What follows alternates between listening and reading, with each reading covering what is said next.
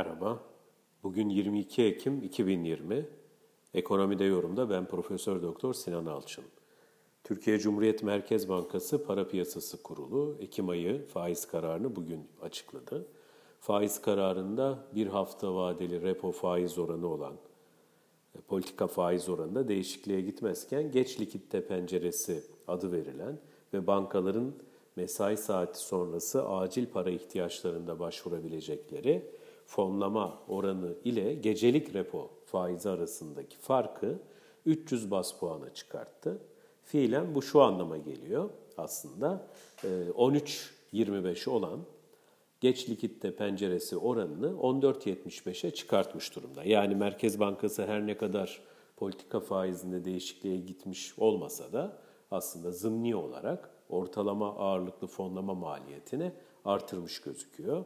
Ee, burada tabii bunu nasıl kavramsal olarak ifade etmek lazım diye düşündüğümüzde bu aslında sözlü yönlendirme kapsamında değerlendirilebilecek bir konu.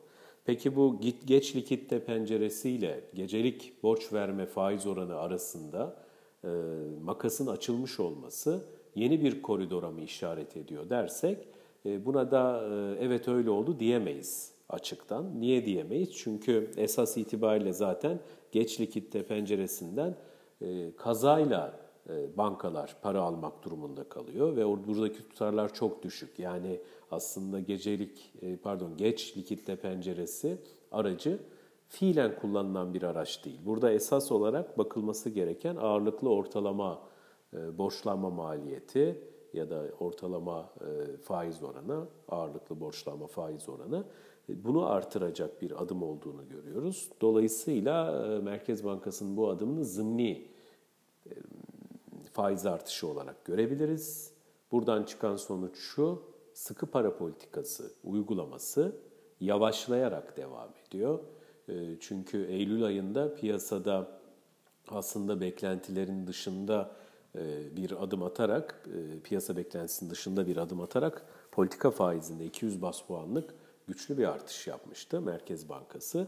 Onunla karşılaştırıldığında piyasalarda e, bu sefer ortalama 175 bas puan civarı bir artış beklentisi vardı politika faizi cephesinde. Fakat Merkez Bankası bunu yapmayarak aslında ters köşe yapmış oldu. Şimdi bunun tabii e, sebebi nedir diye düşündüğümüzde Merkez Bankası politika faizini belirlerken para piyasası kurulu raporunda dezenflasyonist etkilerin devam ettiğini ve kredi genişlemesinin yavaşlatılması yönünde atılan adımların başarılı olduğunu söylüyor. Ee, ayrıca CDS primlerinde de ülke risk priminde de 500 bas puan altına inilmiş durumda. Bunlar doğru fakat bunların gerçekleşmesi için zaten aslında Temmuz ayından itibaren içine girilen sıkı para politikası patikasında kararlı ve güçlü devam edilmesi gerekiyor. Dolayısıyla e, hali hazırda e, CDS'te 500'ün altına inilmiş olması veyahut da dolardaki yükseliş eğiliminin durmuş olması bunun böyle devam edeceği anlamına gelmiyor. Ve Merkez Bankası'nın bugün verdiği görece cılız mesaj e, burada tersine doğru bir hareketi de tetikleyebilir. Peki neden Merkez Bankası böyle bir adım atmış olabilir? Yani geçtiğimiz ay politika faiz oranında bir artış penceresi açmışken şimdi sadece geç likitte penceresinde bir e, artışla birlikte ağırlıklı ortalama borçlanma maliyetini artırma yolunu seçiyor. Yani zımni bir e, faiz artışına gidiyor dersek burada da tabii şu var. E, fiyat istikrarı çok önemli.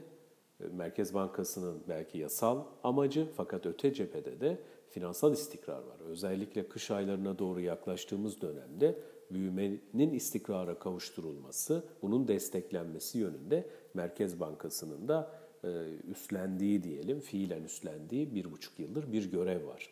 Dolayısıyla burada adım atarken çok e, ölçerek ve iki alanda fiyat istikrarı ile finansal istikrar arasında bir denge oluşturarak iki tarafa da mümkün olduğunca fazla zarar vermeden adımlar atmaya çalışıyor.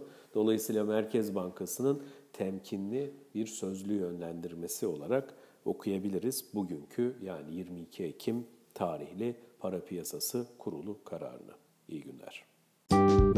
Müzik